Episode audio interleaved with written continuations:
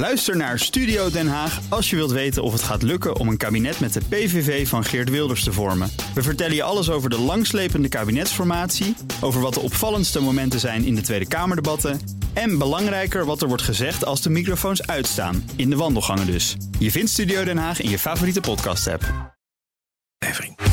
Tech Update.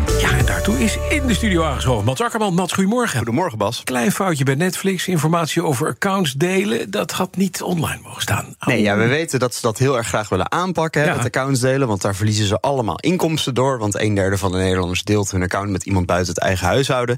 En de vraag waar we al heel lang mee zaten was: hoe wil Netflix dat delen nou aan banden leggen? Nou, vorige week leek daar witte rook over te komen. Toen kwam er een vrij uitgebreide uitleg online op de website van Netflix. Ook vrij complex, moet ik zeggen. Ik heb dat toen geprobeerd uit te leggen in een tech-update. Ik moest echt twee keer, drie keer lezen wat er stond. Eh, de strekking was dat je eens in de zoveel tijd moet inloggen op je thuisadres. Dat je ook eens in de zoveel tijd verbonden moet zijn met je thuis-wifi. En als dat niet lukt, dan krijg je op een gegeven moment verificatiecodes toegestuurd, maar alleen aan de hoofdeigenaar. Dus dat betekent dat als jij je account met tien personen zou delen, dat jij eh, de, de hele dag een rood gloeiende telefoon hebt van verificatiecodes die je moet uitdelen, zodat mensen erin konden. Ja. Maar nu blijkt, die pagina met informatie die allemaal online kwam, die had helemaal niet online mogen Oh, staan. die niet delen. Nee, dat was een foutje, zegt Oeps. Netflix, dat dat online is gekomen. En ze hebben die informatie weer van de website eh, verwijderd, daarom ook.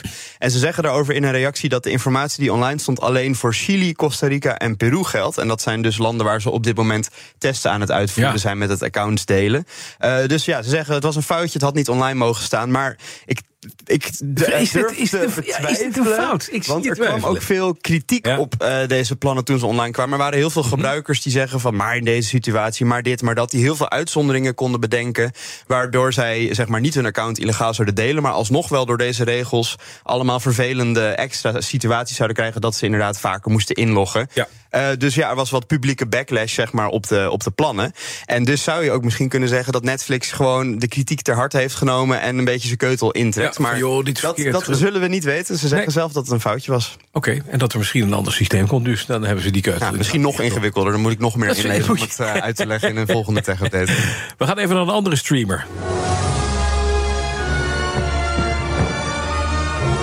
Dat is altijd de mooie beelden van een eh verzonnen slot... met een enorme hoop, hoop vuurwerk. Mooie grote roze kasteel Ja, inderdaad. Disney Plus verliest mogelijk exclusieve content van Disney zelf. Ja, want Disney die overweegt nu namelijk om hun films en series... en dat zijn er natuurlijk eh, behoorlijk wat... eh, ook aan concurrerende bedrijven te gaan verkopen. En Oh. dat zou een behoorlijke koerswijziging zijn. Want tot nu toe was de strategie eigenlijk altijd... dat Disney-films eh, alleen op de eigen streamingdiensten kwamen. Dus dat is dan Disney Plus en dan ook Hulu. Dat heb je in Amerika en in, in Japan. Nou, Bloomberg meldt nu dat deze koerswijziging eraan zit te komen... op basis van ingewijden. Om de hele simpele reden dat Disney meer geld zou willen verdienen... aan al de eigen producties. Ja. Ja, en als je dan meer mensen verkoopt... Hoe meer platforms, hoe beter. Precies, er Tuurlijk, komt er ja. meer geld in het laadje. Disney staat ook een beetje onder druk... omdat de streamingdienst in het derde kwartaal van vorig jaar... een verlies van anderhalf miljard maakte. Ondanks dat Disney Plus 12 miljoen nieuwe abonnees erbij kreeg. Dus het is nog niet, gaat daar financieel gewoon niet zo lekker. En eh, Disney wil nog niet op dit gerucht reageren... maar woensdag komen de kwartaalcijfers van het vierde kwartaal van Disney. Eh, dan horen we ook van topman Bob Iger meer over de plannen voor de komende tijd. En dan zou het dus zomaar kunnen dat hij dan inderdaad bekend gaat maken... dat bijvoorbeeld een Tarzan of een Lion King ook, Ook weer eh, op Netflix te zien zal zijn. Precies.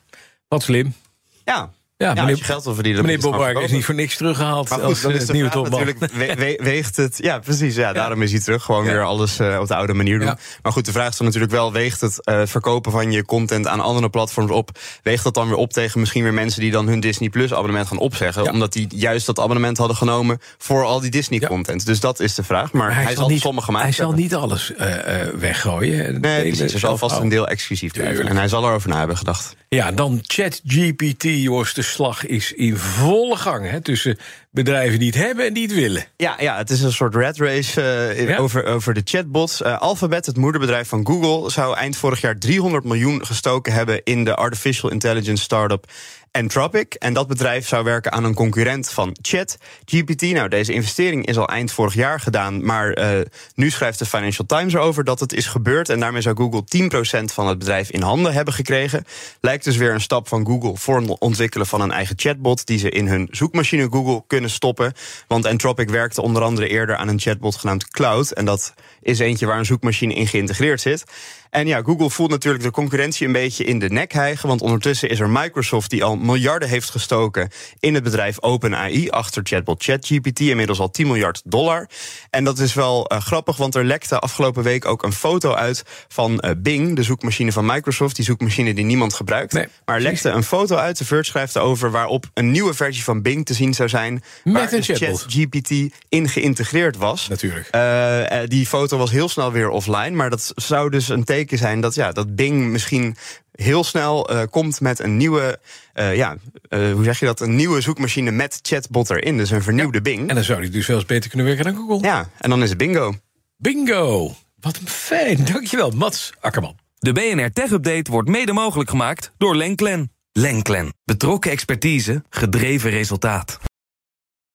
Ook Diana Matroos vind je in de BNR-app. Ja, inderdaad. Je kunt live naar mij luisteren tijdens de Big Five.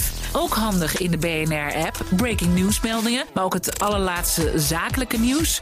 En je vindt in de app alle BNR-podcasts, waaronder Wetenschap Vandaag. Download nu de gratis BNR-app en blijf scherp.